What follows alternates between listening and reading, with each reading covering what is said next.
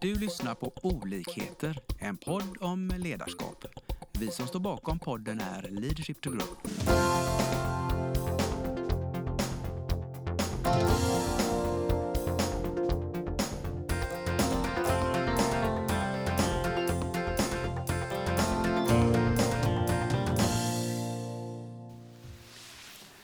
Välkomna allihop! Idag har vi ett tema som vi har kallat kommunikation, relationer och tid. Och eh, idag är det också Lena och Lars från Leadership to Grow som ska resonera lite kring de här begreppen. Så om vi startar, vad tänker du Lena? Vad, är, vad börjar vi med? Nej, men vi, viktig, vi pratar ju mycket om att hur viktig kommunikationen är i, i organisationer eh, överlag och eh, hemma också eller i alla situationer att eh, kommunikationer är A och O. Men jag skulle vilja att vi benar ner det där för att kommunikation handlar ju väldigt mycket om relationer. Mm. Ska man få en bra eh, kommunikation så gäller det ju ofta att ha en hyfsat bra relation i botten. Så att om vi börjar med att lägga lite fokus kanske på hur bygger man bra relationer. Och det viktigaste med relationer, eller förstå insikten i relationer, handlar ju väldigt mycket om att förstå att vi är olika som mm. personer. Mm. Vi har olika, liksom, vi tänker olika, vi har olika referensramar, vi har olika erfarenheter. Så att eh, för att få en bra relation så måste man förstå varandras olikheter. Och eh, det finns ju olika verktyg eh, för eh, att ha som utgångspunkt för att förstå varandras olikheter. Och det finns massa olika tester. Det finns röda, gröna, gula, blå gubbar. Det finns diskar och det finns enneagrammet och alltihopa. Till både för och nackdelar. Och tidigare i någon podd har vi pratat just om tester. Och eh, vårat förhållningssätt till tester är väl att eh, det är ett bra att ha som ett analysverktyg. Eh, att göra det liksom, man gör inte tester för att tala om att du är si eller så. Men det är ett väldigt bra utgångsläge att diskutera runt att så som du har svarat på de här testerna så, så kan man ana det här. Känner du igen dig eller liksom vad, vad, vad, vad, vad tänker du när du ser de här svaren? Liksom? Eh, och då, då börjar man ju förstå att man kan tänka olika eh, mm. och så. Men du tänker om, om säg att eh, en person på ett företag gör en sån här test, ska även den personen då eh, jämföra med en annan person för att se sina olikheter? Ja, men det kan ju vara ett sätt att göra att man i, är man en tät grupp som vill liksom förbättra sin kommunikation så kanske det är bra att alla i gruppen gör en sån här personlighetstest. Mm. Och så lägger man alla på bordet och så ser man här att här är vi olika. Vi har olika tänke, tankesätt och, och drivs av olika saker, motiveras av olika saker. Och eh, vi brukar ju ibland också dra in eh, Maslows pyramid här. Eh. Var vi befinner oss i den har ju också en påverkan hur vi reagerar och hur vi tänker och hur vi beter oss liksom.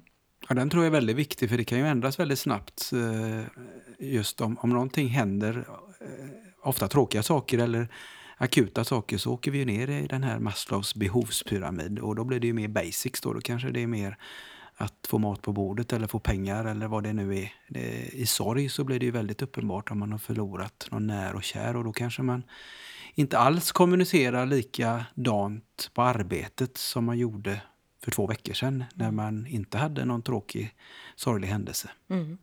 När man, så, så en av utgångslägen för att komma till bra kommunikation och, och då genom att skapa bra relationer, det är ju att förstå varandra och förstå varandras olikheter. Och absolut inte lägga några värderingar i det. För det finns ingen eh, personlighet som är bättre eller sämre än någon annan. Utan det handlar om att vi är olika. Och hur mm. hanterar mm. vi det liksom? Precis, och just det att det inte är inget rätt eller fel utan det är mer eh, att inse då att jag är inte lik mina kollegor och kollegorna inte lik mig. Och det, det är helt okej. Okay. Mm. Men när vi ska kommunicera så sätter ju det ut lite fällor för oss då. Så att vi, vi tror ju ofta att alla kommunicerar som jag eller alla tänker som jag. För det, det är så vi resonerar ofta med oss själva. Men verkligheten är ju då en annan. Mm. Och som, som, du säger, det här med drivkrafter eller hur vi väljer, vilka livsstrategier vi har. Mm.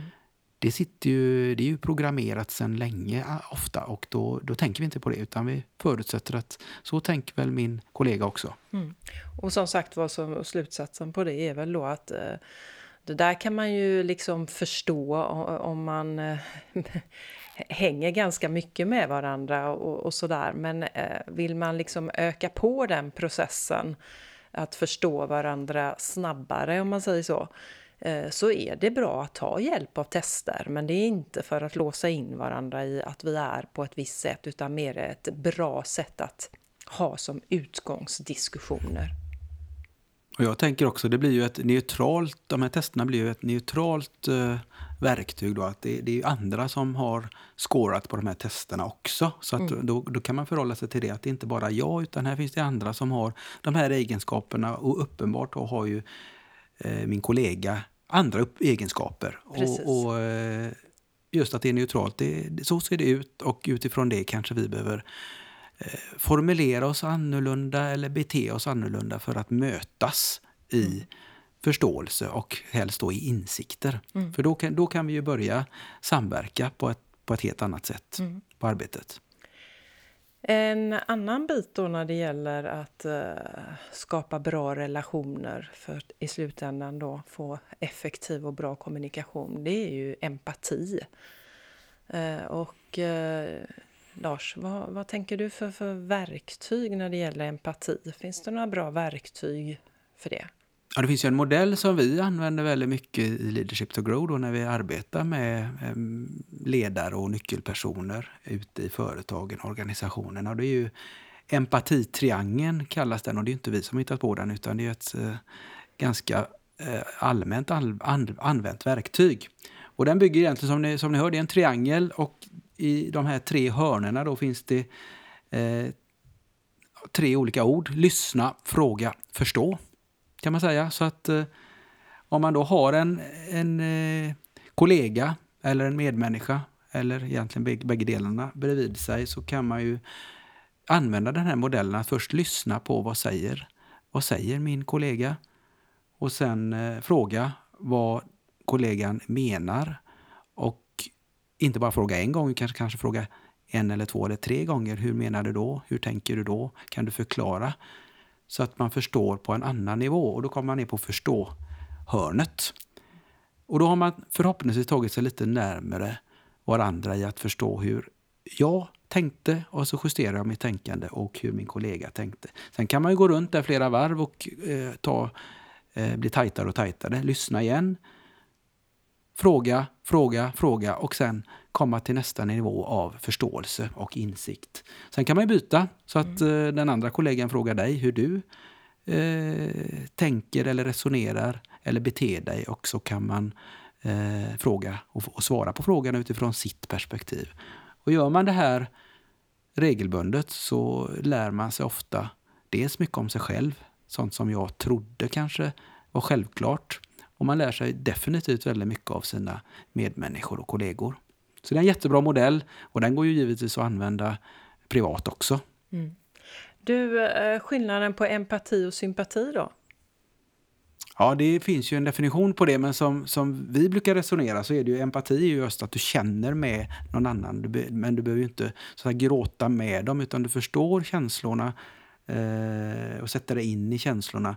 Men du behöver inte då följa med in i varken sorg eller glädje eller frustration utan du, du kan mer sätta dig i den andra personens eh, känslomässiga situation. Mm. Så att det är skillnad då att, att, att inte åka med, så att säga, dras med in i samma känsla utan att stanna lite vid sidan om men ändå ha hjärtat med. Mm. Och, och, det är ju viktigt liksom eh, när vi försöker eh, förstå varandra, att vi inte tar över varandras eh, problem eller så, för då kan vi inte ens hjälpa varandra om vi tar över problemen. Liksom. Mm. Precis, och vi kommer in på ett, ett jättestort ämne, det här med emotionell intelligens som mm. vi det är en annan podd. Ja. Men den är ju viktig att inse att vi behöver träna på det här. Och, och som sagt, empatitriangeln är ett jättebra sätt att ändra perspektiv och även träna upp sin förmåga att lyssna mm. på olika nivåer. Du nämner två saker som jag vill eh, stanna lite vid också. I empatitriangeln ingår ju då lyssnandet som du säger och ställa frågor. Eh, och många gånger när vi pratar om kommunikation så hör ju jag eh, kunder så som tänker att ja, jag behöver nog gå i en, en kommunikationskurs eller jag måste bli bättre på min retorik och hela det här. Och då brukar jag skoja och säga det spelar ingen roll hur bra du blir på, på att retoriskt kunna prata om du inte har två stora öron och lyssnar på det som sägs. Precis, den är ju jätteviktig. Och, och, och lyssna är ju som sagt, det är svårt för du blir aldrig fullärd egentligen. Och eh, som sagt, att prata är ju en sak, men det är ju envägs. Men mm. att just lyssna på vad vi säger, de här nivåerna två och tre. Nivå ett är ju inte så svårt att lyssna. Du lyssnar vad, vad någon säger och sen funderar du på hur du ska svara. Det klarar de allra flesta. Men att lyssna på nivå två där det handlar om att kanske lyssna lite mellan raderna och lyssna på eh, din medmänniskas egentliga intentioner och egentliga drivkrafter.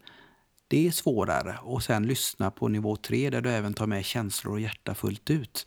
Eh, och kroppsspråket, det, det kräver ju träning. Mm. Sen har en del människor lättare för det och andra svårare. Men, men just att träna sig och lyssna på alla de här tre nivåerna dagligen är, är väldigt värdefullt. Mm. Och sen eh, alltså, att använda sig av det man lyssnar in. För om man använder sig av det man lyssnar in och sen använder det i sina frågeställningar, ja då når man ju fram i retoriken, tänker jag. Precis. Om du liksom lyssnar in att den här personen använder de här orden och du svarar och ställer eh, följdfrågor med det du har hört eller lyssnat in då, ja men då, då, då spelar man ju i samma lag liksom och man man känner igen sig i, det, i den ord, orden som används. Precis, för ord, ord är ju viktigt också. Det har ju ett värde men det har ju ofta då ett individuell betydelse, en, en definition. Och för att förstå vad den andra menar med ett ord, till exempel mål eller till exempel eh, deadline. Mm. Om vi tar det i en organisation så, så gäller det att fråga kring, okej okay, vad menar du med en deadline? Vad ska man göra då eller vad ska man inte göra? Så att man masserar ordens betydelse mm. och förstår hur min eh, kollega menar. Mm. Eh, och det är ofta inte exakt samma som du har tänkt om man resonerar lite. Men det kräver ju då mm. att man gör detta och att man så att säga kalibrerar. Och kalibrerar man bra så får man ju ofta ett kvitto på att eh, nu är vi relativt överens i det vi pratar om. Och sen mm. kan det vara andra saker vi inte är färdiga med, men det, det kräver ganska mycket tid och det kräver en noggrannhet i att, att eh, lyssna och ställa frågor till nästa nivå. Och det behöver ju inte vara så att vi tycker lika, som du säger att vi ska vara överens. Det är inte samma sak att vi behöver vara, en, vara överens i det vi tycker, men vi förstår varandra Precis. i varandras tyckande. Liksom. Precis. Ibland är det ju väldigt värdefullt för det första att förstå att vi inte är överens om, om deadline till exempel. Då, då, kan vi ta det därifrån ja, och ja. hitta en ny nivå där ja. vi tillsammans då kommer fram till att ja, det, här, det här är rimligt för oss båda och vi kan ställa upp på det. Så det, det är liksom det är värdefullt ur många perspektiv att, att göra den här kalibreringen. Mm. Eh, sen var vi inne på frågor och jag brukar skoja och säga man kan aldrig lära sig nog med frågor. Och då naturligtvis så ska det ju alltid vara som vi säger då öppna frågor så att du mm. inte kan svara ja eller nej på dem. Men samtidigt också att det finns, det finns så olika sätt att formulera frågor som skapar olika svar.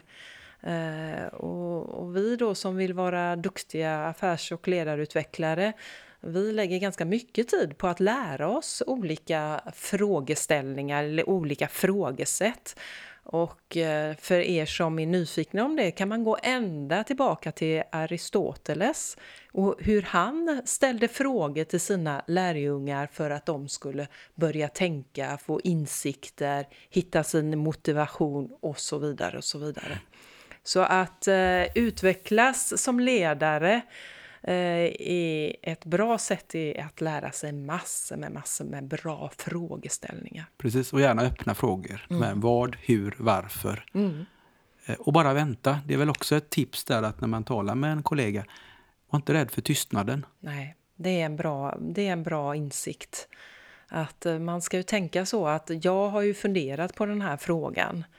Men när jag ställer den till dig så kanske det är första gången du hör den.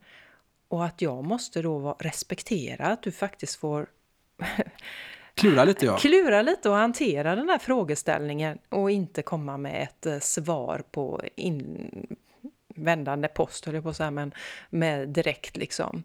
Tystnad är viktigt och oftast är det ju bara vi själva som ställer frågorna som tycker att, att tystnaden är lång och att den är jobbig.